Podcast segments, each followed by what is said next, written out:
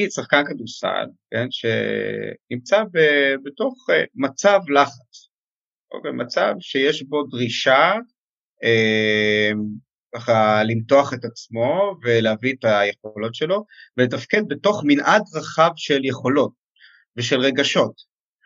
כלומר, אני בתוך uh, משחק חווה את כל קשת הרגשות האנושיים, משמחה וסיפוק ותחושת הצלחה לצד השני של הרצף, תחושת כישלון, כעס, תסכול, חרדה שהיא יכולה להיות לגמרי חלק מהסיפור. כשאנחנו מדברים על מיינדפולנס אנחנו למעשה מאמנים את היכולת של השחקן להיות עם מה שהוא מרגיש באותו הרגע ובאותה נשימה להיות מחובר למשימה. כשאולי הנחת היסוד שיושב בתוך הדבר הזה היא שאנחנו לא צריכים להרגיש טוב בשביל לשחק טוב.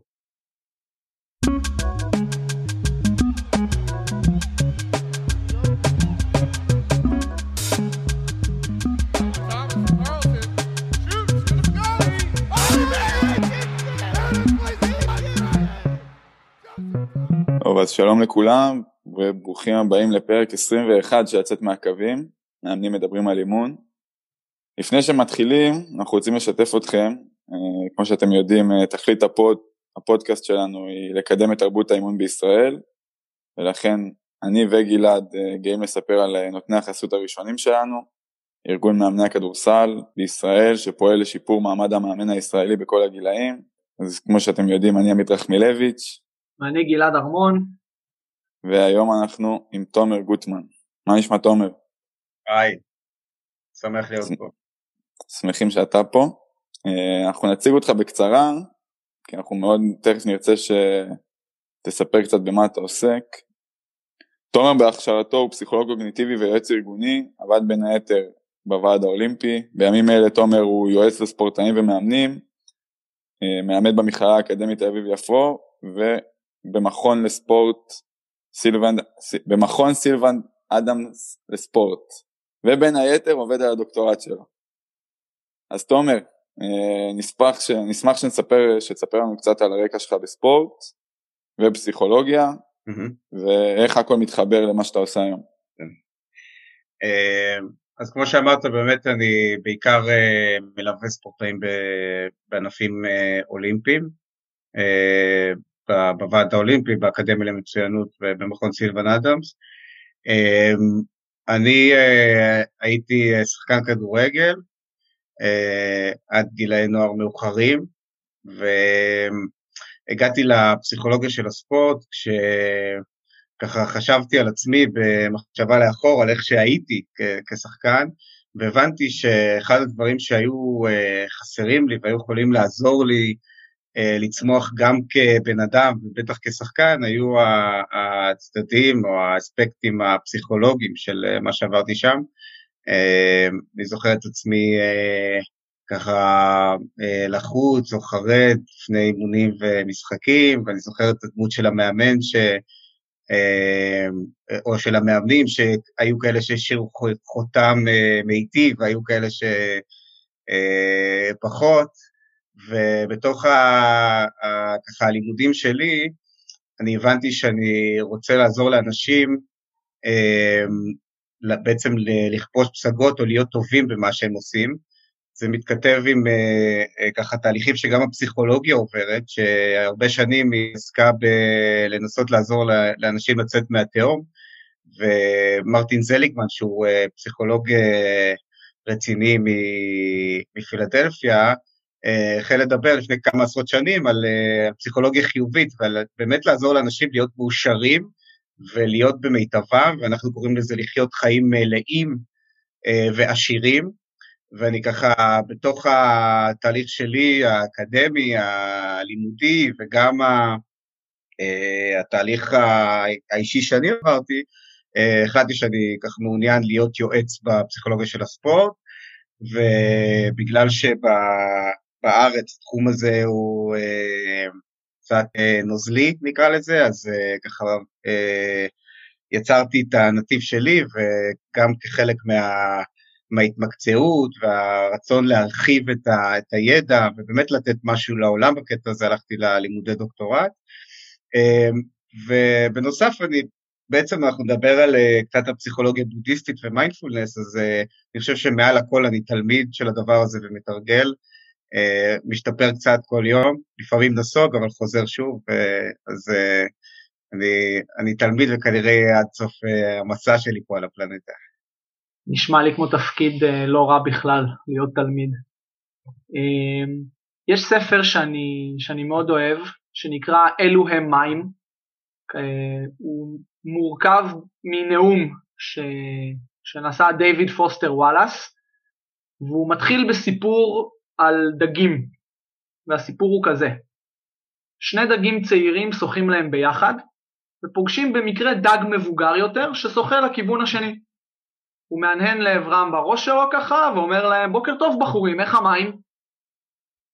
ושני הדגים הצעירים ממשיכים לשחות כמה זמן, ואז אחד מהם מסתכל על השני ואומר לו, מה זה לעזאזל מים? ואני מאוד אוהב את הסיפור הזה, ומאוד מתחבר גם לנאום, כי, כי כמו שהדגים האלה לא כל כך בטוחים מה זה מים, בטח לא כמו המבוגר שבטח יש לו גם יותר ניסיון, אז גם אנחנו לפעמים יש לנו דברים ש... שאנחנו לא שמים לב אליהם, אמ, ומכיוון שזה התחום העיקרי ש... שגם שאתה מתעסק בו וגם שמאוד חשוב לנו ללמוד עליו, אז אה, רצינו לשאול אותך גם מה זה מיינדפולנס, גם מה זה אומר להיות mindful. נתחיל בזה. יופי, אז uh, אנחנו בשונה מאותו uh, דג, יש לנו תודעה שהיא יותר מפותחת, ויש לנו את היכולת אה, לחקור ולהיזכר בעבר שאינו ניתן לשינוי ולתכנן אה, או לדאוג מהעתיד הלא ידוע. אה, והתודעה שלנו נעה בין, ה... בין, בין שתי ה... גם בין העבר ובין העתיד, וכשאנחנו מדברים על מיינדפולנס, אנחנו מדברים על היכולת שלנו להיות יותר נוכחים במה שאנחנו עושים, בהינתן שאנחנו לא כזה טובים בזה. המחקר מראה שכמה אתם חושבים שאנחנו לא באמת, אה, נגיד כשאנחנו נוהגים, כשאנחנו בשיחה, כשאנחנו במקלחת, אה, כמה מתוך סך הפעולות שאנחנו עושים בחיים אנחנו נמצאים במה שאנחנו עושים? 30 אחוז. אז uh, אתה קצת פסימי.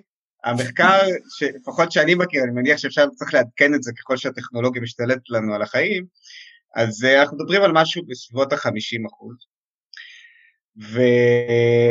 ושלדעתי uh, שוב זה מידרדר, בטח uh, ככה עם, עם uh, המון עבודה שנעשית על הניסיון לגנוב לנו את התודעה, כן, דרך אפליקציות וגירויים כאלו ואחרים, וכשאנחנו מדברים על מיינדפולנס אז למעשה זה האימון בלהיות נוכח באמת עד כמה שאפשר, לא בפרפקציוניזם, במה שיש ברגע הזה. מתוך הנחה שזה באמת מה שיש לנו. הגוף שלי כאן, אני יכול להיות אה, מחובר עד כמה שאני יכול, כן? שוב, זה, זה לא איזשהו משהו אבסולוטי או טוטאלי, עד כמה שאני יכול להיות בתוך מה שמתהווה בתוכי עכשיו ובתוך מה שמתהווה מחוצה לי, כן? מה שאני תופס אה, אה, דרך החושים וגם כל הזמן נמצא בהשתנות. אני יודע גם שיש, אה, שיש תרגול שיכול לעזור לנו, אתה רוצה ש, שגם לטובת המאזינים שנתחיל באיזה שתי דקות של, אה, של תרגול שאולי אנשים יבינו מה אפשר לעשות כדי להתחבר לזה? יופי. אז באמת אה, זה משהו שאפשר לדבר עליו ולהסביר אותו במילים, אבל אה, הלמידה הכי, כמו בספורט, כן, הלמידה הכי טובה היא דרך החוויה. אז ניקח אה, שתי דקות ונתרגל ממש איזושהי טעימה מההלך רוח הזה של המיינדפולנס. אז בין אם המאזינים שלנו נוהגים או הולכים, או אם יש להם אפשרות גם לשבת, אז בואו ניקח רגע לתרגול. אפשר לעצום עיניים או שלא. ואנחנו נזרוק עוגן למה שיש עכשיו. נתחיל מלשים לב התחושה שיש במגע עם הרגל, עם הרגליים ברצפה. זה היה שם קודם, פשוט לא שמנו לב לזה עד עכשיו. ומכאן נעביר את תשומת הלב לשרירי הפנים.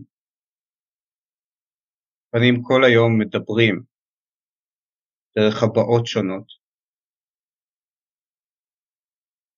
נשים לב לשרירים בלסת, בלחיים, בעפפיים, במצח.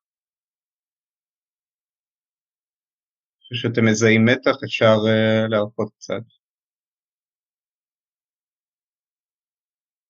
ומכאן יכולנו לבחור כל מיני עוגנים שלהם אנחנו יכולים לחזור, אבל נבחר בתרגול הקלאסי של הפניית הקשב אל הנשימה.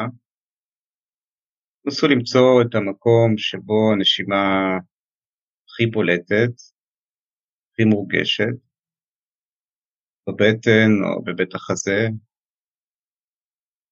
ואין צורך לנשום עמוק יותר או שטוח יותר, פשוט נסו לעקוב אחרי הנשימה לכל אורכה. שאיפה ונשיפה.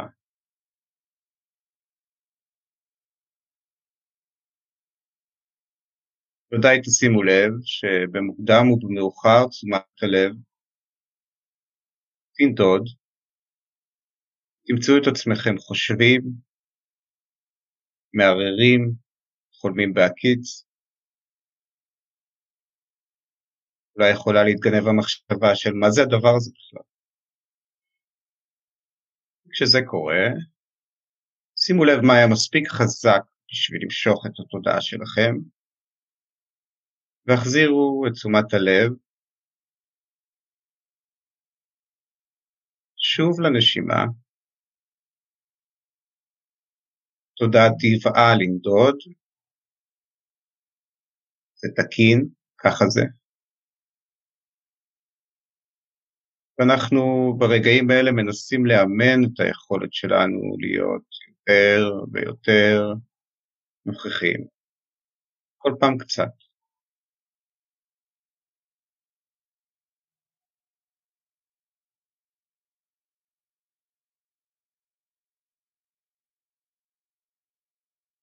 ורק בשביל עוד טעימה מהדבר הזה, עכשיו פיתחו את תשומת הלב אל מה שקורה בחושים. צלילים, רכשים, קולות שעוברים עכשיו מסביב, גם כשהעיניים עצומות או בין אם לא, מה קורה? בחוש של הראייה, ריחות, טעמים שנשארו בפה, תחושה של האוויר על האור, שימו לב לזה, עד כמה שאפשר. נסו לשים לב האם התודעה מסווגת, שופטת, נעים זה לא, את זה אני רוצה, את זה לא. נסו לראות גם את התנועה הזאת של התודעה לאיך שהיא מגיבה למה שיש כאן ועכשיו.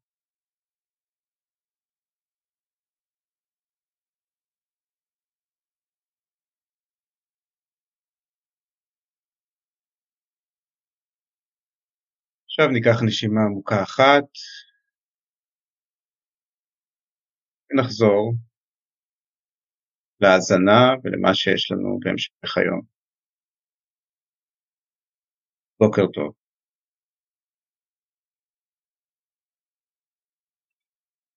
בוקר טוב. יעד, מעכשיו אנחנו צריכים כל פרק, אה, מתחילים אותו בשתי דקות של קשב. מעכשיו אנחנו צריכים כל פרק להזמין את תומר פשוט. כן. אמ, תומר, אני פעם קראתי שלהיות mindful זה לשים לב בכוונה ברגע הזה וללא שיפוטיות. אמ, ברגע הזה קצת הסברת, ללא שיפוטיות גם אמרת, לפעמים אנחנו אומרים את זה אני רוצה, את זה אני לא, את זה טוב לי, זה לא טוב לי. אמ, מה זה אומר לשים לב בכוונה? כאילו איך אפשר לשים לב לא בכוונה?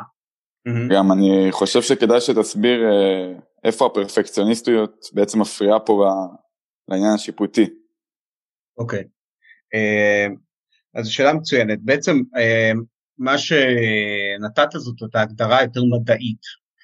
המיינדפולנס, השורשים שלו מצויים אי שם בהודו הרחוקה שלפני 2500 שנה, בחור מבריק בשם סידהרתה, לימים הבודה אה, הלך לחפש את העושר האנושי אה, ויצר את ה... אנחנו קוראים לזה הפסיכולוגיה הבודהיסטית, כן, ממש אה, אולי הוא אחד הפסיכולוגים הראשונים שהביאו באמת גישה, דרך חיים שמאוד חכמה ועשירה. וההגדרה שנתת מגיעה מתוך הפסיכולוגיה במערב, שבעצם אה, ג'ון קבצין, שהוא ככה הדמות אה, אחת המרכזיות בעולם של המיינדפולנס, הגדיר את התרגול הזה בהגדרה שנתת. אז ההפניה של הקשב באופן מכוון, אם אנחנו מסתכלים עליה נוירולוגית או נוירופסיכולוגית, הרי שאנחנו מפעילים מערכת קשב רצונית, שלוקחת את התשומה של הלב, את תשומת הלב, אולי הדבר הכי יקר שיש לנו בחיים, אל הרגע הזה. כלומר, יש לנו כמה מערכות של קשב, אני לא אכנס לזה, אבל המערכת, אנחנו בעצם מפעילים את המערכת שהיא יותר רצונית, יותר בוחרת, ואם אנחנו אה, רגע שומטים אותה, היא תנדוד, אוקיי? אנחנו רואים את זה ממש ברמה הפיזיולוגית, כלומר מחקרים שחקרו את הפירות של טיפול ממושך, רואים שינויים במוח, גם חוקרים, חוקרי קוגניציה מובילים, חוקרי קשר מובילים, מדברים על, ה, על המיינדפולנס כאחד האימונים שבאמת יש ביכולתם לשפר את התפקוד של המערכת הקשבית, שהיא השער לתודעה שלנו. אוקיי, אולי באמת אה, אחת הקריטיות לתפקוד תקין ולחיים אה, אה, משמעותיים, כולל הסיפור של ויסות רגשות והתמודדות איתם שנגיע אליו. אז האי שיפוטיות היא, היא למעשה איזושהי התבוננות על איך שעובדת התודעה, כי כמו שאמרתי בתרגול, אנחנו בטבע שלנו דוחים דברים שלא נעימים לנו, ורודפים אחרי העונג, כאיזושהי באמת אה, משהו אבולוציוני שנמצא בתוכנו מאוד עמוק, ומתוך המרדף הזה יכול מאוד אה, אה, להקשות, ודווקא לפגוע לנו, אחד בנוכחות, שתיים במה שאנחנו רוצים לעשות באותו רגע, אם הולכים לפסיכולוגיה של הפרפורמנס, כן, אז כמובן נדבר על זה קצת בהמשך. אז אנחנו מנסים אה, לקבל, ולקבל זה לא דבר פשוט, אבל במקום אה, אה, לברוח או לרדוף, אנחנו יושבים עם מה שיש ופותחים לו מקום. אה, גם למה שחולף אצלנו בפנים וגם לגירויים מבחוץ או למצבים, לכל מיני סיטואציות שמעוררות בנו, אנחנו קוראים לזה אה, כל מיני סוגים של ג'יפה כאלו ואחרים. אז, אז אי שיפוטיות היא קבלה של מה שיש אה, עכשיו. סיפרת על הרקע שלך ודיברנו על מיינדפולנס, אה, תוכל לספר קצת על הפגישה הראשונה שלך עם מיינדפולנס ואיך זה התגלגל? אז אה, אני ככה לפני מעשר שנים, אה, ככה, אה, אני זוכר שהייתה לי שיחה עם אה, חברה שלי שלמדה איתי, עמיתה מהלימודים, ודיברתי איתה כל מיני תובנות שאני הגעתי אליהן, ואמרתי לה, תקשיב, אני לומד, אני מבין שאני צריך להתאמן על לשחרר. אז אמרתי, תשמע, אתה ממש מדבר אה, בודהיזם. ואני זוכר שהלכתי לקורס הראשון שלי בפסיכולוגיה בודהיסטית, ושאלו אותי למה פה, אמרתי, אני אה, באתי ללמוד לשחרר. אה, אז אני משתפר בזה, אני כמו שאמרתי עדיין מתרגל. אה, ובאיזשהו שלב ככה באמת העמקתי בלימודים, אה, למדתי בכל אה, מיני קורסים, גם לאנשים במקצועות הסיוע, גם קורסים להשערה אישית, והבנתי שיש פה משהו שהוא מאוד מעניין ואפשר לקחת אותו לעולם, לעולמות שאני פועל בהם, בטח בעולם הספורטיבי, ומשם גם ככה המשכתי למסלול היותר אקדמי ולמסלול של ה, לא רק התרגול שלי, אלא האופן שבו אפשר להקנות את, ה, את הדבר הבאמת יקר הזה לאנשים. קראתי אה, אה, ראיון עם יובל נוח הררי, הבחור המאוד מרשים שכתב את הספרים, הוא ככה עשה קריירה משמעותית מהעבודה האקדמית שלו, אז הוא אומר שהוא כשהוא יתוודע על הדבר הזה, אז אמרו לו, תקשיב, תשים לב לנשימה, תשים לב רגע. הוא אומר שזה אולי הדבר הכי יקר שאמרו לו בחיים, ואני מאוד התחברתי לזה, כי אני באמת, גם ברגעי שפל שיש לי בחיי, אני חוזר לנשימה, אה, והיא משמשת לי כעוגן שהולך איתי ביום-יום. אה, אז זאת ההתוודעות שלי, אה, שמתוך ה, ה, באמת ההשפעה המדהימה שהייתה לזה על החיים שלי, אני רציתי להביא את זה לאחרים. עכשיו נתת, א' זה סיפור מצוין ודוגמה טובה לבן אדם שפגש את זה מהחיים האישיים שלו, אני הגעתי לזה דווקא מהכיוון ההפוך, אה, לא ניכנס עכשיו לכל הלופ, אבל אני מעניין אותי, יש הרבה, כמו שאמרת, פילוסופיית חיים בודהיסטית שלמה מאחורי התרגול הזה, זה ממש לא נגמר ומתחיל בתרגול, ואני מאמין, גם אמרת שאתה תלמיד של התרבות הזאת, לא רק של התרגול עצמו, ועד כמה התרגול יכול לקחת אותנו רחוק, בלי להבין באמת את ה... או לא יודע אם צריך להבין את התרבות הבודהיסטית כמו להבין איפה זה מגיע לביטוי ביום יום. אמ, אני חושב שההלך רוח הזה של תשומת הלב הוא בעיניי אה, חשוב ויקר ערך. אמ, אני, אני, ואני חושב שאפשר אמ, לעבוד רק איתו.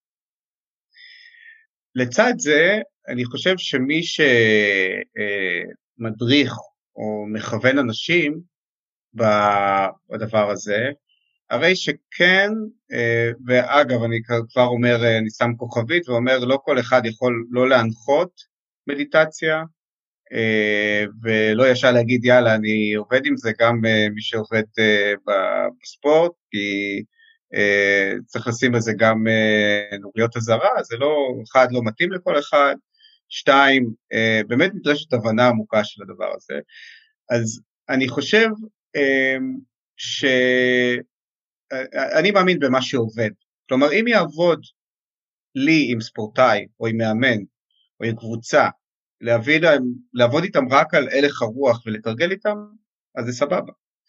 אה, יכול להיות שלאחרים כן אה, העיון היותר רחב בפסיכולוגיה הבודהיסטית שהמיינדפולנס הוא חלק אה, מאוד חשוב בתוכה אבל זה לא רק זה. כלומר ג'ון קבצין כתב את החלק של, של תשומת הלב והשמיט חלקים אחרים.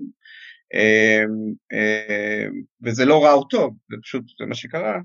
אז אני חושב שכן הערך של להתוודע לדרך הוא חשוב, אבל לא חיוני בהכרח. אני גם שאלתי כדי באמת להדגיש את הנקודה הזאת שמיינדפולנס זה משהו שיכול לעמוד בפני עצמו לשימושים שאנחנו מדברים עליהם ואתה לא חייב להיות עכשיו אה, לקרוא את כל הספרות, ה... את ספרות הזן. לחלוטין כן. אוקיי אז אני רוצה לקחת אותנו עכשיו שכבר קצת הבנו מה, מה עומד מאחורי ומה יכולים להיות הרווחים של זה, אני רוצה שניקח אותנו ממש לתוך הספורט. Mm. אני אתחיל באיזשהו ציטוט מתוך הסדרה The Last Dance, הריקוד האחרון, שהייתה על, על העונה האחרונה של השיקגו בולס אה, לקראת סוף שנות ה-90. אמ, ואומר את הציטוט מרק ונסיל, שזה בן אדם שנמצא ליד מייקל ג'ורדן הרבה מאוד שנים, עזר לכתוב עליו ספר, הוא אומר, רוב האנשים מתקשים להיות נוכחים ברגע. אנשים הולכים לשבת באשרמים במשך 20 שנה בהודו ומנסים להיות נוכחים. עושים יוגה, עושים מדיטציה, מנסים להגיע לעכשיו. רוב האנשים חיים בפחד כי אנחנו משליכים את העבר על העתיד. מייקל הוא אחר, הוא אף פעם לא היה בשום מקום אחר. המתנה שלו לא הייתה שהוא יכול היה לקפוץ גבוה, לרוץ מהר, לקלוע על הסל. לקלוע על הסל. המתנה שלו הייתה שהוא היה נוכח לחלוטין, וזה הפריד אותו מהאחרים. איך הסיפור של להיות mindful ושל להיות נוכח עוזר לספורטאים להתמודד עם הדרישות של המקצוע? אמ, אז אה, קודם כל הציטוט אה, ככה חושף משהו מהיכולות של, אה, של מייקל ג'ורדן, שהם כנראה, אמ, אנחנו כן יכולים למקם על איזשהו רצף אנשים, כן, אנשים שיותר גבוהים במיינדפלנס ואנשים שיותר נמוכים. אנחנו כן מנקודת הפתיחה שלנו יכולים לשפר את, ה, את היכולות שלנו להיות יותר נוכחים. כשאנחנו הולכים לפסיכולוגיה של הביצוע, שהיא כמובן אה, חלק חשוב מתוך הפסיכולוגיה של הספורט. אגב, אה, זה לא רק הביצוע, כלומר אנחנו עוזרים לספורטאים אה, לחיות טוב ולבצע טוב, וגם ללמוד טוב, בטח כשאנחנו מדברים על ספורטאים צעירים שלא כולם יהיו ספורטאים בוגרים, זאת גם האחריות של המאמן בקטע הזה. אז, ויש היום הרבה דיון על סביב ה-well-being של ספורטאים, כן? אמ, מתוך הנחה שזה יתרום גם לפרפורמנס ולנוכחות שלהם באמת במה שיש. אז כשאנחנו לוקחים, אה, אה, אה, נגיד שחקן כדורסל, כן, שנמצא בתוך אה, מצב לחץ, או במצב שיש בו דרישה אה, ככה למתוח את עצמו ולהביא את היכולות שלו ולתפקד בתוך מנעד רחב של יכולות ושל רגשות. כלומר, אני בתוך אה, משחק אה, חווה את כל קשת הרגשות האנושיים, משמחה וסיפוק ותחושת הצלחה לצד השני של הרצף, תחושת כישלון, כעס, תסכול, חרדה שהיא יכולה להיות לגמרי חלק מהסיפור. כשאנחנו מדברים על מיינדפולנס אנחנו למעשה מאמנים את היכולת של השחקן להיות עם מה שהוא מרגיש באותו הרגע, ו... אה, נשימה להיות מחובר למשימה. כשאולי הנחת היסוד שיושב בתוך הדבר הזה היא שאנחנו לא צריכים להרגיש טוב בשביל לשחק טוב. אוקיי? אנחנו, שזה, אגב, שזה, זו תפיסה שיש לנו שהיא גם תרבותית, כן? אנחנו קוראים לזה feel good society. כאילו, אנחנו כאילו חושבים שה... באיזושהי, כאילו איזושהי תפיסה תרבותית כזאת שיש, שאנחנו צריכים להרגיש טוב, אנחנו כאן בשביל להרגיש טוב, אבל מה לעשות שזה לא ככה. ובטח אה, שחקנים, ספורטאים, עוברים המון חוויות אה, שיכולות להיות מטלטלות במהלך אה, משחק בתוך החיים שלהם, בטח לפני אחרי. אז המיינדפולנס הוא למעשה לטפח את היכולת הזאת להיות ברגע הזה, ובאותה נשימה, כמו שאמרתי, לנסות לפעול כש, כשאני בוחר את הפעולות שלי והרגשות שלי הם לא הדיקטטורים של איך שאני פועל. אה, יש שיגידו המיינדפולנס הוא האימון בהגדלת הטווח בין האירוע לתגובה. כלומר יש המון אוטומטים, מחשבות אוטומטיות שמופיעות לנו בתודעה ואנחנו כל הזמן מופעלים גם ברמה הרגשית והתחושתית ומכאן שהאימון הזה מטפח את היכולת להכיל את הרגש ולפעול אה, אל מול המטרה שנמצאת ברגע הזה, מסתמן שמייקל ג'ורדן היה מאוד טוב בזה. אה, בכלל, כאילו, מה זו חרדה? חרדה היא בין היתר, היא דאגה ממה שיהיה, מהעתיד שאינו ידוע. ואיזושהי תחושת איום שנלווית אליה, שברגע שאנחנו מתחברים אה, באופן מעשי ולא תיאורטי לרגע הזה, הרי שכנראה החרדה יורדת. אם, אם ניקח את זה לתמה שאני עובד איתה, הסיפור שלנו בספורט הוא לא להירגע, אלא להתמקד. כלומר, להיות ממוקד עד כמה שאני יכול, כשברקע יכולים לעבור כל מיני רגשות, מחשבות ותחושות. הדברים שאמרת עכשיו שנוגעים לספורטאים הם, הם נכונים גם למאמנים בעיניך? Uh, לחלוטין כן. Uh, בעצם uh, אני חושב שהמאמן הוא דמות שיש לה השפעה, ולא אני חושב, זה גם המחקר הפסיכולוגיה של הספורט אה, מראה את ה, באמת את המקום הדרמטי שיש למאמן בחיים של אה, ספורטאים.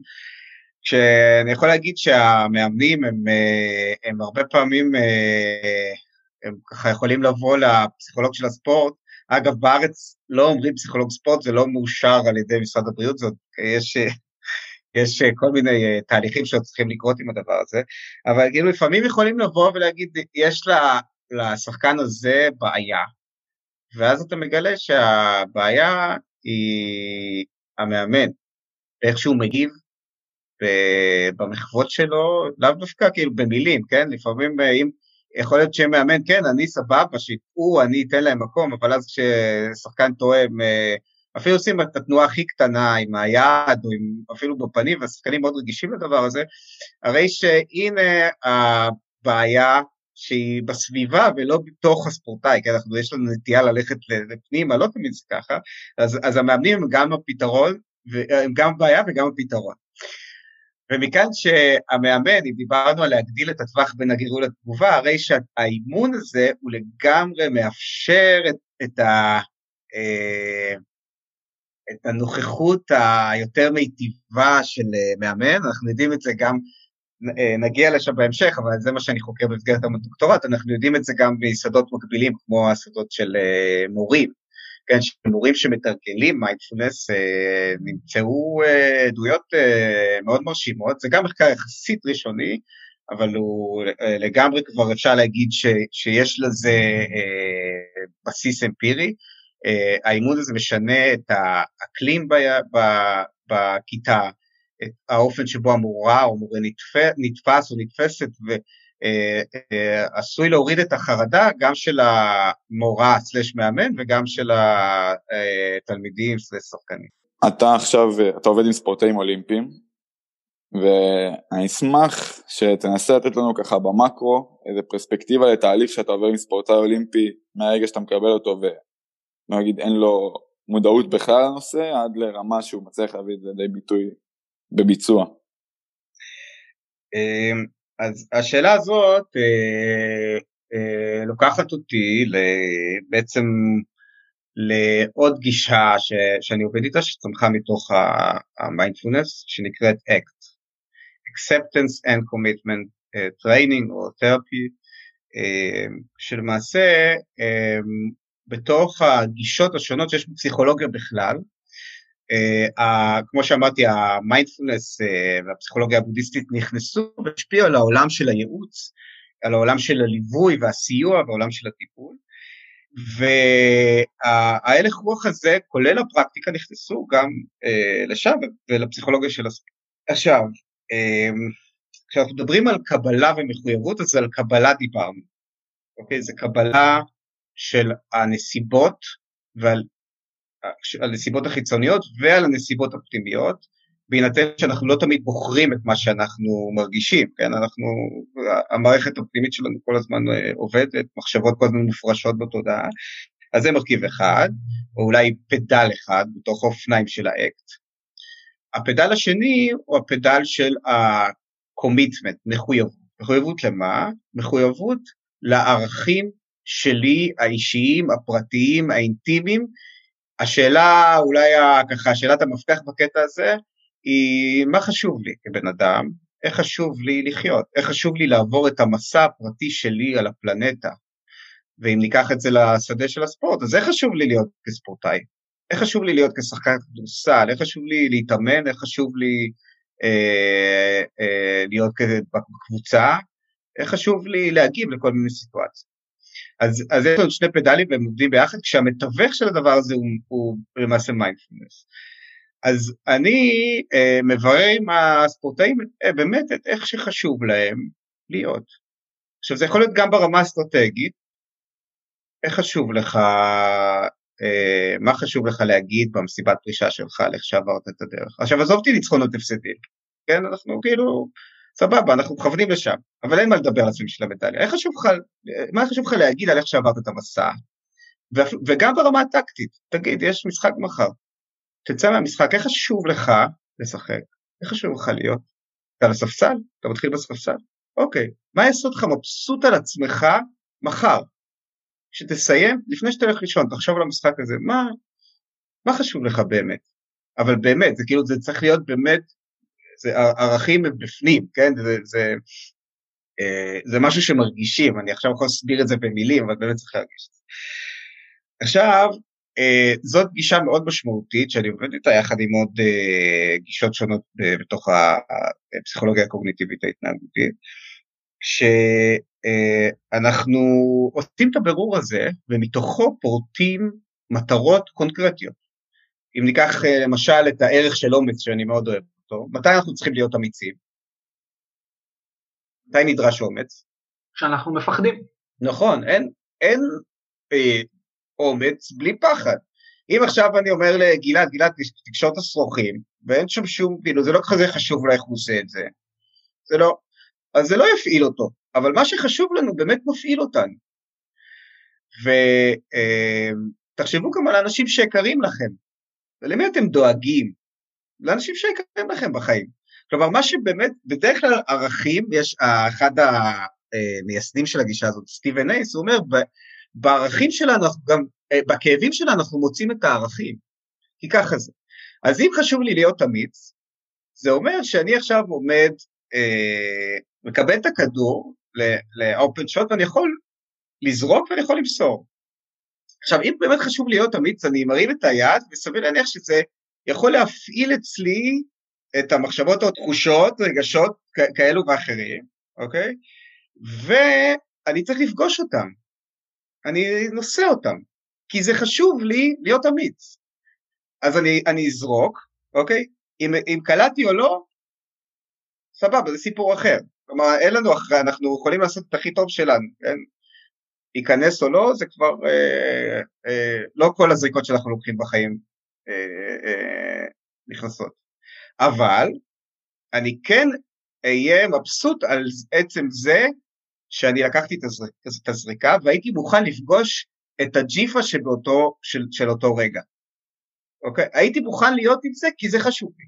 לעומת זאת אם אני מוסר, אני באותו רגע, אנחנו קוראים לזה הימנעות מהחוויה או הימנעות מהג'יפה, אני באותו רגע, אני מוסר ואני חווה הקלה מיידית.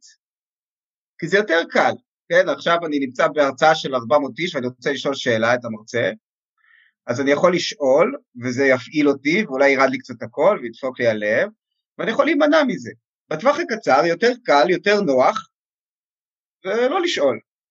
אבל אם חשוב לי להיות כזה שצריך היה עם אומץ, או כל אחד עם, עם מה שחשוב לו, הרי שאני אעשה את הפעולה.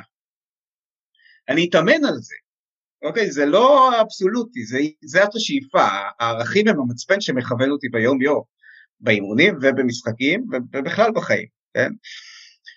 אז העבודה שלי היא הרבה ברוח הזאת, כחלק מהכנה לתחרויות, אה, כחלק מ... אתם יודעים, אה, אם חשבתי שפסיכולוג של הספורט צריך לעזור אה, ב... בהכנה לתחרויות, אז אני מבין שגם השגרה של האימונים היא לא פחות קשה, אז צריך גם, אנחנו עושים גם שם עבודה של קומיטמנט. והמיינדפולנס נכנס גם כהלך רוח, גם כתרגול מעשי כמו שעשינו, ואני יכול גם לשאול, תגיד, למה שמת, שמת לב השבוע? מה ראית? מה הופעל אצלך באותו הרגע? איזה מחשבות באו? מה המוח אמר? מה הרגשת בגוף? מה אתה מרגיש עכשיו שאתה מספר לי על זה? כלומר, דרך ההמשגה הזאת, דרך המילים האלה, אני יכול לכוון כל הזמן למקום הזה של, תשומת, של תשומת הלב ולהביא אותו יותר ויותר ויותר לחיים של הספורטאי, מתוך הנחה שהוא יכיר את עצמו יותר וילמד מה מפעיל אותו. ילמד מה מונע או, או אה, עלול אה, ככה למשוך אותו לכיוונים שהוא לא רוצה אה, להתאמן או לשחק בהם או לפעול בהם. זו דוגמה ממש טובה ואני רוצה עוד שנייה להתעכב עליה כדי באמת לייצר איזשהו image למי שמאזין של אמ-המ. נשאר עם הדוגמה של הקליעה אז כאילו שחקן שלפני שהתחלת לעבוד איתו ואחרי שהתחלת לעבוד איתו כאילו מה יבדיל ביניהם בסיטואציה הזאת של הקליעה. אז אחד הוא, הוא ידע איך חשוב לו להיות. אוקיי? אנחנו לא תמיד, אה, אפרופו גם מאמנים, כן? באמת מה חשוב, זה יכול להשתנות אבל כן יש לנו איזה שהם, אנחנו קוראים לזה אה, ערכי ליבה, אוקיי? משהו שבאמת יושב אצלנו עמוק והוא יכיר את זה, אוקיי? והמטרה הוא שיתרגל ולאט לאט אה, ייחשף, זה גם המושג המקצועי, כן, לחשוף את עצמך לתוך הג'יפה שעולה, לאט לאט הוא, הוא יהיה ביותר נוחות אל מול מה שמופעל אצלו, אה, יש סיפור זן שאחד בא אה, למורה שלו ואומר לו, תגיד, אה, אני יושב כבר הרבה זמן ועושה מיינדפולנס, כן? מתי כאבים בגוף עוברים? אז המורה עוצר ואומר, תשמע, הכאבים האלה, הם ילכו איתך לכל החיים. ובעצם המחשבות האוטומטיות, ההפעלות האלה יהיו איתנו תמיד, אלו החדשות הרעות. החדשות הטובות זה שאנחנו יכולים לטפח את היכולת לשאת אותם, ובעצם אם אני, אני, אם אני עושה צעד, אנחנו קוראים לזה פעולה מחויבת, אם נלך על האומץ, אני עושה פעולה אמיצה, ואני מבסוט על עצמי, הרי שאני מתרגל, יש פה גם הרבה מהפסיכולוגיה ההתנהגותית, אני מתרגל, אני מחוזק על הדבר הזה, ואני מתרגל את הפעולות שהן תואמות ערכים, שהולכות עם המצפן שלי, אז uh, השאיפה היא שהספורטאים שעובדים איתי uh, באמת יתרגלו את הדבר הזה ובסופו של uh, תהליך יהיו יותר קרובים ויפעלו באמת לפי המצפן שלהם. איך הבן אדם שאתה עובד איתו, לא משנה כרגע אם הוא מאמן או ספורטאי, איך הוא יכול להשתחרר מהמחשבות או מהרגשות שמשפיעים עליו? הרי בסופו של דבר אנחנו, אנחנו הרבה מאוד פעמים, אולי כמעט כל הזמן, מייחסים את המחשבות שלנו לעצמנו, זאת אומרת, אני זה מי שחושב. אז אם אני זה שחושב וזה שמרגיש, איך אני יכול להפריד בין זה ו- ופתאום כן להפוך להיות אמיץ? Mm-hmm. Um, אתה, אה, מתוך הנחה שהאומץ שה- הוא התנהגותי, אוקיי? Okay? Um, למעשה, אתם יודעים, כשאני מטייל עם, עם הכלב שלי, אז יש uh, איזה פינצ'ר שכל פעם כשהוא uh, uh, חווה אותנו מרחוק, הוא נובח כמו משוגע, ואז כשאנחנו מתקרבים הוא בורח. אז uh, זה לא אומץ, כן? זה, זה אומץ במילים. אומץ אמיתי או אומץ במעשים, אבל שוב, לא בפרפקציוניזם, זה נורא חשוב לי להדגיש את זה, זה כאילו שאיפה לשם, אנחנו, ערכים הם כיוון, זה, זה כמו לנסוע למערב, אנחנו אף לא נגיע למערב, אוקיי, אנחנו שואפים לשם. אמ, ו, ובעצם אני אנסה לעזור לספורטאי לפעול באמת אל מול אני אגדיר איתו פעולות, כן, שהן יוצאות או נובעות מתוך הערכים, ואני אגיד לו, תשמע, המוח שלך יגיד כל מיני דברים. לפני שאתה תיקח את, ה, את הכדור ותזרוק, המוח שלך יגיד כל מיני, אה, אה, יהיו מחשבות אוטומטיות, תיזהר, מה יחשבו עליך, לא, כל אחד עם זה שלו, כן? כל אחד עם, ה, עם, ה, אה, עם הקללות שלו, כן? בתוך, ה, בתוך המוח שלו, ובעת, אני, אני, אה, רוני או'סאליבן, מכירים? הוא המסי של הסנוקר. אז הוא עבד עם אה, אה, פסיכיאטר בריטי שקוראים לו אה, סטיב פיטרס, הוא עשה את המודל של השימפנזה הפנימית, עם, מודל נורא יפה. אז הוא אמר, אני למדתי להרגיש גרוע, אני כל הזמן מקלל את עצמי במשחק, המוח שלי אומר לי מלא דברים, אבל אני משחק.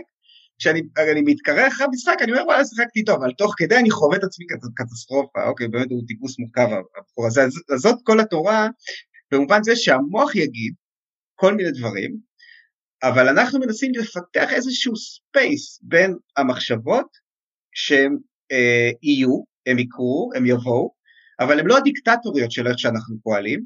נגיד אם מישהו רוצה ככה לחוות את זה ממש טעימה מהדבר הזה, אז, אז אה, בזמנכם הפנוי תקומו, תלכו קדימה ותגידו לעצמכם, אני לא מסוגל ללכת קדימה, אני לא מסוגל ללכת קדימה, אני לא מסוגל ללכת קדימה, ותלכו קדימה. אני לא מסוגל לעמוד על רגל אחת, אני לא מסוגל, ותעמדו על רגל אחת, אוקיי? תעשו כל מיני דברים ש... שאתם, לכאורה המוח שלכם אומר, ותראו שאתם כן יכולים לבחור את איך שאתם פועלים, אבל את המחשבות אתם לא יכולים. המחשבות באות. והאימון הוא, אנחנו קוראים לזה באקט, הפרדה קוגניטיבית, אה, או ב, באנגלית defusion, אנחנו יכולים להיות בפיוז'ן, נורא מודבקים למחשבות שלנו שמסתירות לנו את החיים, אבל אנחנו יכולים שהם יהיו ברקע, שהם יהיו חלק מהסיפור, אבל אנחנו נהיה, אמרנו, להתמקד ולא להירגע, אז הנה, המחשבות אה, האוטומטיות רצות לנו בראש, אבל אנחנו מתאמנים על להיות ממוקדים במה שאנחנו עושים ובמטרות שלה, אוקיי? בין אם זה מטרות אה, אה, ביצוע, מטרות תהליך, כן, אז המושגות שיש בפסיכולוגיה של הספורט, מטרות התנהגותיות של איך שאני רוצה לפעול. כלומר, אני זורק, אני לוקח את הכדור, זורק, המוח שלי יגיד מה שהוא יגיד, אבל הוא לא שולט על איך שאני פועל, הוא לא הדיקטטור שלי. תשמע, זה מעניין מאוד. אנחנו מדברים מאוד תיאורטי, לא מאוד תיאורטי, האמת דיברנו גם הרבה שטח, ואני רוצה לקחת את זה עוד יותר לשטח, ואני רוצה בכלל לדבר, אנחנו כמעט ולא אמרנו את המילה הזאת בשיח, אבל המילה מדיטציה כמילה היא הרבה פעמים אה, יוצרת איזשהו מרחק מאוד גדול, זה נתפס כמשהו מאוד רוחני, למרות שכל מה שאנחנו מדברים עליו פה הוא מאוד קיים בממד הפיזי והוא מגובה במחקרים ואמפיריים. אני אשמח שאתה, אני בטוח שאתה חווה את מה שאני אומר, אמרתי עכשיו אה, בשגרה היומיומית שלך, בטח בעולם הספורט התחרותי, אז איך אתה מנגיש את זה? ואיך דעתך מאמן, אני, אני בכוונה לא שואל איך מאמן צריך לתרגל, כי מה שאמרת לגבי זה שזה לא מתאים לכל אחד ולא כל אחד אמור לתרגל זה אלף אחוז, ואני חושב שגם כדאי להדגיש את זה עוד פעם. אבל אה, מצד שני, איך כן, כי בסוף זה כלי מדהים שבאמת הוא מגובה, אז איך אתה מנגיש את זה, איך אתה mm-hmm. בעצם מייצר את ה... מצמצם את הפער בין התפיסות, ואיך לדעתך בכלל צריך לעשות את זה יותר טוב. כן, אז אה, מדיטציה היא למעשה האימון. אמ, הזכרנו את ג'ון קבצין, אז הוא הבין שלהגיד לאנשים אה, בודהיזם ומדיטציה מייצר אצלם אה, אסוציאציות שהן דתיות, כאלה מיסטיות, כשבאמת יש גם זרמים מיסטיים בבודהיזם, אני לגמרי מתייחס אליו כפסיכולוג, יש את פרויד, אה, יש את רוג'רס ויש את אה, בודה. אה, ולכן אני כן משתמש במילה מדיטציה, יש שיגידו גם מדיטציית מיינדפולנס. מיינדפולנס הוא למעשה הניסיון להנגיש את הדבר הזה לאנשים במערב וקצת לעבור את ההתנגדויות והמחסומים הפנימיים שלהם. אז אני משתמש במה שעובד, אוקיי, זה יכול לקרוא לזה ככה, ואני יכול לקרוא לזה ככה, ואין פה איזה חוקיות, חשוב להבין שבעצם מכוונים לאותו מקום. עכשיו, מדיטציה אפשר לעשות גם בישיבה, כמו שעשינו את הכמה דקות הקצרות שקצת ארגנו, והיפנים הוציאו את המדיטציה מהמנזר והביאו אותה לכיכר השוק, שבעצם אפשר לתרגל את זה גם תוך כדי ביצוע פעולות. כלומר לשים לב בזמן שאני הולך למפגש של הרגליים שלי עם הרצפה, אה, לשים לב אה, תוך, כזה, תוך כדי שיחה לפנים של מי שאני מדבר איתו, אה, ולכן האפשרות להביא את זה, אל, כל פעם למצוא איזשהו עוגן אחר בתוך, ה, בתוך החיים, הוא, הוא בעיניי מאוד חשוב. למשל, ניקח רוכבי אופניים, רוכבי כביש או רצי מרתון, כן, שהם אה, ספורט סיבולת, אפרופו כאילו דיברנו על, ה, על האפשרות לשאת אה, רגשות וגם כאב פיזי בתוך הביצוע, הרי שסיבולת, אה, סבל, כן, אז אה, אבודה אמר שאנחנו צריכים להיות סבלים טובים של הדבר הזה של סבל, אז הפרקטיקה של זה היא, כל אחד עם מה שעובד לו, אחד, זה נורא חשוב להדגיש את זה, העיקרון המנחה הוא ווקביליות, ווקביליטי, אין לנו אמת, יש את מה שעובד, ואנחנו בדרך ניסוי וטעייה מנסים למצוא את זה. אמ, אז להקשיב לצורך העניין לצעדים בזמן הריצה, ולנסות אולי לספור אותם, אוקיי? אה, ואם זה רוכב אופניים אז לשים לב מדי פעם לרוח על הפנים או למפגש של הידיים עם הכידון. ותוך כדי גם להיזכר במה שחשוב לי. אוקיי, אתם זוכרים? כאילו מיינדפולנס זה גם תזכורת למה שחשוב לי ואיך שחשוב לי להיות. ו- והנה הרגע הזה שאני אה, מגיע לצומת, צומת דרכים קטנה כזאת בחיים שלי, ואני יכול לבחור איך אני פועל. ואני, כשאני שם לב למה שמופעל אצלי באותו רגע, ואני מכיר את, את הדבר הזה, כן, אני כבר באיזושהי היכרות עם עצמי, אז הנה אני מסמן לעצמי, הנה רגע שבו אני יכול אה, לרוץ תרתי משמע עם ה... עם... לכיוון הערכים שלי, או שאני נותן עכשיו למחשבות או לעייפות אה, אה, לשלוט באיך שאני רץ. אה, אז אנחנו כל הזמן מנסים ומנסים שוב ושוב לתרגל את הדבר הזה. אז uh, אני וגלעד מאמני כדור וגם אחוז המאזינים שם בסוף ממשחקי כדור. Mm-hmm. ואם אנחנו, אני סתם אתן דוגמה, אני אשמח שאתה תאשר או תתקן אותי, אבל אם אני עכשיו בתחילת האימון או בחלק שהוא יותר כניסה לאימון, אני אתן אני לא אגיד להם לעשות, אני אגיד להם, אבל אני אתן להם דגשים שמחוברים לעכשיו, לא יודע, התחושה של הכדור, המגע ברצפה, הרעש של הרשת, אה, זה יכול לייצר אפקט לכניסה נוכח, נוכחת יותר לאימון? אה, כן, לחלוטין כן. אה, אתה בעצם, אחד הדברים שאפשר לעשות, אם אגב, זה דברים שככה קראתי גם אצל פיל ג'קסון בספר שלו, זה בעצם אפשר להביא את התרגול הזה ככה לתוך האימון, כמו שמורה במנזר, אה, הוא לפעמים יוצא ככה לנזירים ומצלצל בפעמון, אז, ו, והמטרה היא שהם ישימו לב ויראו איפה התודעה שלהם הייתה ויחזרו למה שהם עושים, אז, אז אפשר גם, אפרופו, כאילו לצד המשרוקית להחזיק אה, פעמון ולצלצל ולהגיד תשימו לב רגע, תשימו לב למה, איפה אנחנו עכשיו, תשימו לב איפה המחשבות, שימו לב מה יש לכם, מה אתם מרגישים עכשיו בגוף, פשוט תשימו לב, כל פעם להביא את התשומה של הלב, אמ, או אימון בשתיקה, זה דבר שככה יוצא לי לעשות לא מעט, אה, גם מגיע מתרגולים ממושכים שבהם לא מדברים, כי זה, זה כל הזמן, שימו לב, יש שם את המתווך הזה של, של תשומת הלב, הרי האינסטינקט שלי זה לדבר ולהגיב ולהגיב, והנה אני עכשיו נאלץ רגע להשהות תגובה, כן?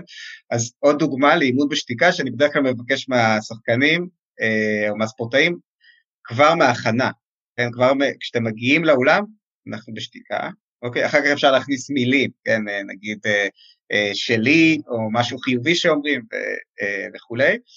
אה, ודיברתי אה, קצת על ההמשגה, אז, אז, אז כל הזמן גם דרך השפה, כן? תשימו לב, למה זה, כאילו ממש להכניס את הדבר הזה, כאילו איפה אתם עכשיו, איפה אתה עכשיו, תראה איפה, מה עבר לך בראש, איזה מחשבות באו, כשמסרת את זה, כשעשית את הפעולה הזאת עכשיו, מה, כלומר זה גם דרך התרגול וגם דרך השפה שמביאה הלך הרוח הזה. וכמובן לשמור את זה לא שיפוטי, שלדעתי זה, זה באמת הכשל שלנו כמאמנים, אני יכול להגיד שעליי, אתה יודע, להשאיר דברים לפעמים כמו שהם ולא בהכרח לקחת את זה לטוב או לא טוב, שזה בעיניי יכולת מפתח, כן, כאילו, היכולת שלך, דיברנו על הערכים, אז, אז כאילו, אם אנחנו מדברים על כעס, כן, שהוא מופ, עכשיו מפעיל והוא כאילו יכול להוביל איזושהי תגובה אימפולסיבית, או צעקה, או תגובה שאחר כך אתה יודע שתצטער עליה, כן, כאילו זה ככה אנחנו, ככה אנחנו יודעים לתפוס אותה. אז הנה אני עכשיו גם שם לב למה שקורה אצלי, ורגע לוקח עוד נשימה, תגיד אוקיי רגע, איך חשוב לי להיות? אגב, אם אני מוכן, אוקיי, מדברים על הכנה, יש מדיטציה שאני עושה עם ספורטאים ומאמנים, שאני נותן להם שלוש דקות ממש לחשוב על האימון ולתרגל רגע איזושהי הכנה ויזואלית למה שהולך לקרות, אז, ולא, זה לא חייב להיות דרך הכנה ויזואלית, זה יכול להיות גם דרך פשוט לחשוב, רגע, איך, מה הולך להיות היום? מה אני רוצה שיקרה? סביר להניח שיופיע תסכול גם, כי לא תמיד כולם מקשיבים למה שאני מבקש, זה העולם, אולי זה גם יפה שזה ככה, והנה אני מכין את עצמי לרגעים האלה שבהם המוח יכול להיות הדיקטטור שלי, ואני אנסה להיות יותר קרוב למה שחשוב לי. אז, אז הנה זה מגיע ממש לשטח, לחיים, לפעולה של המאמן. זה משהו שאני יכול לספר שבאופן אישי הוא, אצלי בתוך הראש הוא מאוד נוכח עכשיו, כי אנחנו במין תקופה כזאת שלא כולם באים לאימוני זום שלנו, מכל מיני סיבות. אולי כי הם לא אוהבים אותנו ועכשיו הם יכולים להתחמק, אולי כי הם לא אוהבים את הזום ומעדיפים להיות במגרש, אולי כי המשפחה שלהם לא ערוכה לזה שהם יכדררו באמצע הסלון בדיוק ב-4.45 אחרי הצהריים, כל מיני סיבות. אמ, ונורא קל, האוטומט זה ללכת למקום של אוף איזה באסה, או שהם לא אוהבים אותי, או שהם לא אוהבים את האימון, או שזה לא מספיק חשוב להם, למרות שיש עוד כל מיני דברים אחרים ש, שיכולים להשפיע.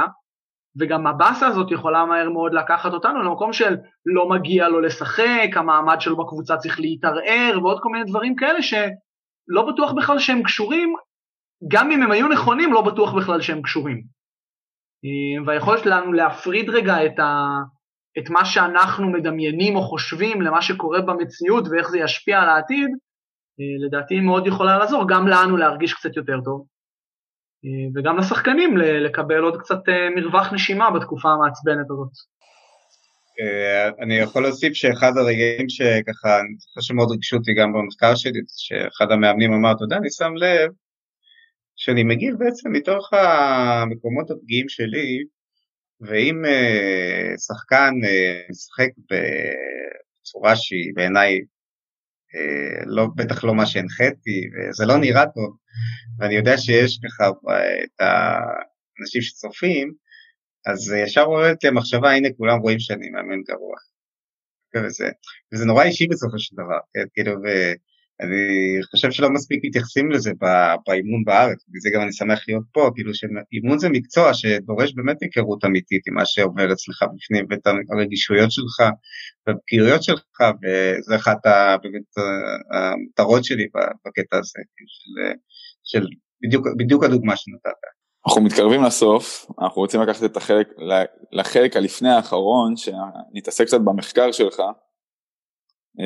אני אשמח שתספר קצת על המחקר שאתה עושה בימים אלה במסגרת הדוקטורט, אחרי זה ננסה לקחת את זה קצת יותר למקרו.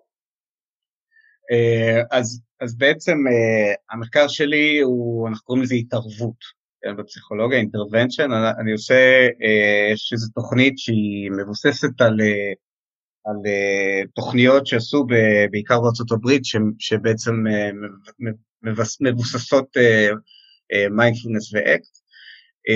זה, זה בהתחלה, הרעיון הראשוני היה לעבוד עם, אה, עם ספורטאים, ובעצם לבחון את ההשפעה של אה, תרגול ממושך, שנמשך אה, משהו כמו שלושה חודשים, על משתנים שונים, כמו חרדה, מסוגלות, שביעות רצון מהביצוע, ומשתנים שונים שככה שקשורים לפרפורמנס ו-well-being של, של ספורטאים. תוך תוך כדי ריצה, באחד הימים הבנתי ש... רגע, יש פה משהו שלא בדקו אותו עדיין, והחלטתי ללכת לכיוון של המאמנים, ובעצם לתרגל איתם, לתרגל אותם, ולראות איך הדבר הזה משפיע אה, על הספורטאים שלהם, שזה יכול להיות גם בהכשרה של, אה, שאנחנו עושים למאמנים בהעברת התכנים, ויכול להיות גם תרגול אה, ממש רק של המאמן, מבלי שאנחנו מדברים עם, עם הספורטאים, אה, ואנחנו בודקים איך זה משפיע, כמו שהזכרתי קודם, המנחה שלי, דוקטור ריקרדו טרש, שהוא עושה את הדבר הזה בבתי ספר, אז אנחנו בודקים איך זה משפיע על האווירה באימון, על משתנים, משתני מפתח כמו חרדה ומסוגלות של השחקנים, וגם על האופן שבו המאמן נתפס. כלומר, אה, אם הוא, אה, אם, נזקק את זה, אז אם הוא walk is talk או, אה, או לא. ו, והאם השחקנים רואים את זה, והאם אנחנו יכולים להשפיע על הדבר הזה, ובאמת לשנות שם דרך התרגול. אני אגיד בהזדמנות זו שמאמנים שמעוניינים ושמקשיבים ומעוניינים ככה להשתתף ולהיות חלק מהמחקר, אה, אני אגיד בשיא הצניעות שהתוכנית תהיה מצוינת, אה, באמת יכולה להיות, אני אומר, בין אה, מיטיבה לבין משנה חיים, ואני מרשה לעצמי להגזים קצת, אז מוזמנים לפנות אליי ולבדוק את האפשרות לקחת חלק. איפה נרשמים? אנחנו, אני, תרשום אותי. טוב, לפני באמת החלק האחרון, אם היה לך נעשה ככה, ניתן לך שלוש דקות אה, מיקרופון פתוח. אם היית עכשיו, אה, אם היה לך גישה לכל המאמנים בישראל, למרות שדי עשית את זה עכשיו, אנחנו... אה, אם היה לך גישה לכל המאמנים בישראל, מאמנים ומאמנות, שלוש דקות על מיינדפולנס. לא למכור להם, אבל להעביר להם, איך היית עושה את זה? אמ, אז קודם כל הייתי אומר שלמרות אפשר להגיד הרבה דברים על האופן שבו גם ההכשרות למאמנים אה, וההתייחסות למאמנים בארץ אה, בספורט הישראלי בעיניי לוקה בחסר. ולמרות הנתונים האלה, אני קודם כל מתייחס לזה כמקצוע. שהוא דורש, כמו שאמרנו, בצדדים פסיכולוגים, אה, עבודה וחקירה עצמית, ואני חושב גם עבודה, אם נדבר על הפסיכולוגיה של הספורט, אז, אז על באמת התערבויות או כלים שהם מבוססי מחקר, לא שהמחקר בפסיכולוגיה הוא חזות הכל, כן, יש איתו בעיות, אבל כן, אני לגמרי מאמין במדע, עד כמה שאנחנו יכולים לקרוא לעצמנו במדע. ו... והייתי אומר עוד לפני המיינדפולנס ש... שבאמת יעשו עבודה עם עצמם, כי בעיניי המאמן יכולה להיות דמות אה, באמת להשאיר חותם אה, על האדם עוד לפני הספורטאי, אה, והחותם הזה יכול להיות אה, בונה ויכול להיות אה, הרסני, לא פחות. כלומר, אתם יכולים, יש, דברו עם, אה, חבר, עם, עם אה, ספורטאי עבר, כן, שבתוך שאתם נתקלים בזה, לפעמים יש באמת חוויות שהן חוויות מזעזעות, ש... של מאמנים שעשו שימוש לרעה בכוח שלהם. ו... ולכן זו נקודה שבעיניי מאוד מאוד חשוב לזכור, זו אחריות מאוד מאוד מאוד כבדה על, על, על נפשות של ילדים אה, נערים, ספורטאים בוגרים, שעושים את הדבר שכנראה הכי חשוב להם ובחרו בו, ומכאן שבאמת יש לנו, אה, אני אומר את זה גם לעצמי, אה, אני גם מרגיש אחריות כבדה במקצוע שלי, באמת אני אומר, כדי קודם כל לגדל בני אדם שהם מרגישים סבבה עם עצמם והם אפרופו יודעים לתפקד בכל מיני סביבות, לאו דווקא בספורט. אה, ודבר שני, שהם אה, באמת אה, יהיו שמחים עד כמה שניתן בתוך החיים, בטח הספורטיביים שהם גם לא פשוטים. רק רוצה להגיד שזה זורק אותנו גם לפרק עם אדם לאו, שהוא פסיכולוג קליני שהערכנו אותו פה, שהוא מאמן כדורסל בעברו, וגם הפרק עם שייקה טרייבנט, עם המאזינים הוותיקים שלנו. אה, דיבר הרבה על חקר עצמי, והוא לא דיבר על זה מהמקום הזה, אבל כן על המקום של חקר עצמי ואיך הוא בכלל גורם למאמנים להיות מאמנים שיותר כיף להיות אצלם. אמת. אמ, אנחנו בחלק האחרון, אתה אומר, אמ, ובגלל שאנחנו עדיין בסגר, ואי אפשר ללכת, ל... אי אפשר ללכת ולשבת בכל מיני מסעדות או דברים, אבל כן טייק אווי אפשר לעשות, אז אנחנו נרצה יחד איתך לעשות טייק אה, מהפרק הזה. אמ, אנחנו נשאל אותך שאלה ואתה תענה בקצרה, משפט, שניים, מקסימום שלושה, כדי שכל מי שאין לו זמן בכלל, אבל הוא כן רוצה לקחת משהו מהפרק, אה, יוכל לעשות את זה. שאלה ראשונה, כמה שבקצרה אתה יכול, מה זה מיינדפולנס? אז זה אימון בלהיות נוכחים בתוך מה שיש עכשיו, בתוך מה שאנחנו עושים. איך עובדים על זה? מתאמנים שוב ושוב ושוב ושוב ושוב ושוב ושוב ושוב ושוב ושוב. איך מתחילים להתאמן על מיינדפולנס? אה, יש אה, קורסים שונים שאפשר אה, ללמוד את, ה, את הרוח ואת הסוגים שונים של, של תרגול. אפשר למצוא גם ביוטיוב כל מיני מורים וכולי. אני מציע לבדוק גם את הרקע של מי שמלמד וגם אה, לקבל המלצות אה, מאנשים שתרגלו ויכולים באמת אה, לספר מהחוויה שלהם. למה כדאי לתרגל מיינדפולנס? כי זה אחד אה, תורם לאושר, לא במובן ההדוניסטי של העונג, אלא במובן היותר, אה, המסע, זה עוזר לנו לחיות את החיים שאנחנו רוצים לחיות מרגע לרגע, מרגע לרגע, מיום ליום, אה, ובאמת לעשות את המאמץ הזה, כאילו של, של לפעול עם, ה, עם האופן או עם המצפן הפנימי שלנו עד כמה שאנחנו יכולים בתוך כל מיני נסיבות. טיפ למתרגל המתחיל? התודעה תברח, וזה בסדר שזה ככה, כאילו, לא צריך לכעוס על זה, זה חלק מהטבע. זה ממש לא צריך להיות משהו מיוחד, לא צריך להירגע, לא צריך uh, להגיע לאיזושהי uh, התעוררות או uh, משהו כזה, פשוט להיות עם מה שיש שוב ושוב ושוב, כמה שאפשר. הזכרת קודם את השיטה שנקראת אקט, תוכל להגיד לנו מה היא וממה היא מורכבת? אז אה, אמרנו שני פדלים, פדל של acceptance, קבלה, אה, ולהיות יותר טובים בלהרגיש ו, ולא לשאוף להרגיש טוב, הפדל השני זה ה commitment, המחויבות, לאיך שחשוב לנו להיות כבני אדם, אל מול האנשים שחשובים לנו, אל מול החיים שלנו המקצועיים, האישיים, החבריים, הזוגיים, וניסיון ככה לנוע עם שתי הפדלים האלה לכיוון הזה. ולבסוף, אם יש לך המלצות לאתרים או אפליקציות שיכולים לסייע למי שרוצה להתחיל? אמ, יש אה, כמה מקומות שמלמדים אה, באופן אה, ככה יותר מסודר. יש את מכון מודע בבינתחומי, יש בית ספר שנקרא פסיכו דרמה על יד אוניברסיטת תל אביב, ואלו ככה שני מקומות שנתוודעתי אליהם. יש באמת, אה, אתם, אם תרשמו אתם תמצאו אה, הרבה מקומות שמאמנים אה, ומתרגלים, יש גם קבוצות שנפגשות אחת לשבוע או פעמיים בשבוע, מתרגלים ביחד, ואם מישהו מעוניין ככה בהקשר הספורטיבי, אז כמו שאמרנו, אני חושב שבהקשר של המחקר שלי, אז אני הכתובת לזה בא כאיזושהי גם התחלה והתוודעות לדבר הזה. אני ממש שמח שהזמנו אותך. היה פרק מצוין.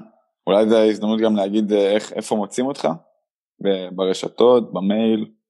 Uh, אני לא אוהב רשתות חברתיות, uh, המייל שלי הוא uh, תומר גוטמן, T-O-M-E-R, G-U-T-M-A-N, בג'ימל. אנחנו נשאיר את המייל בפוסט. זאת אומרת, תודה רבה שהתארחת. תודה רבה לכם.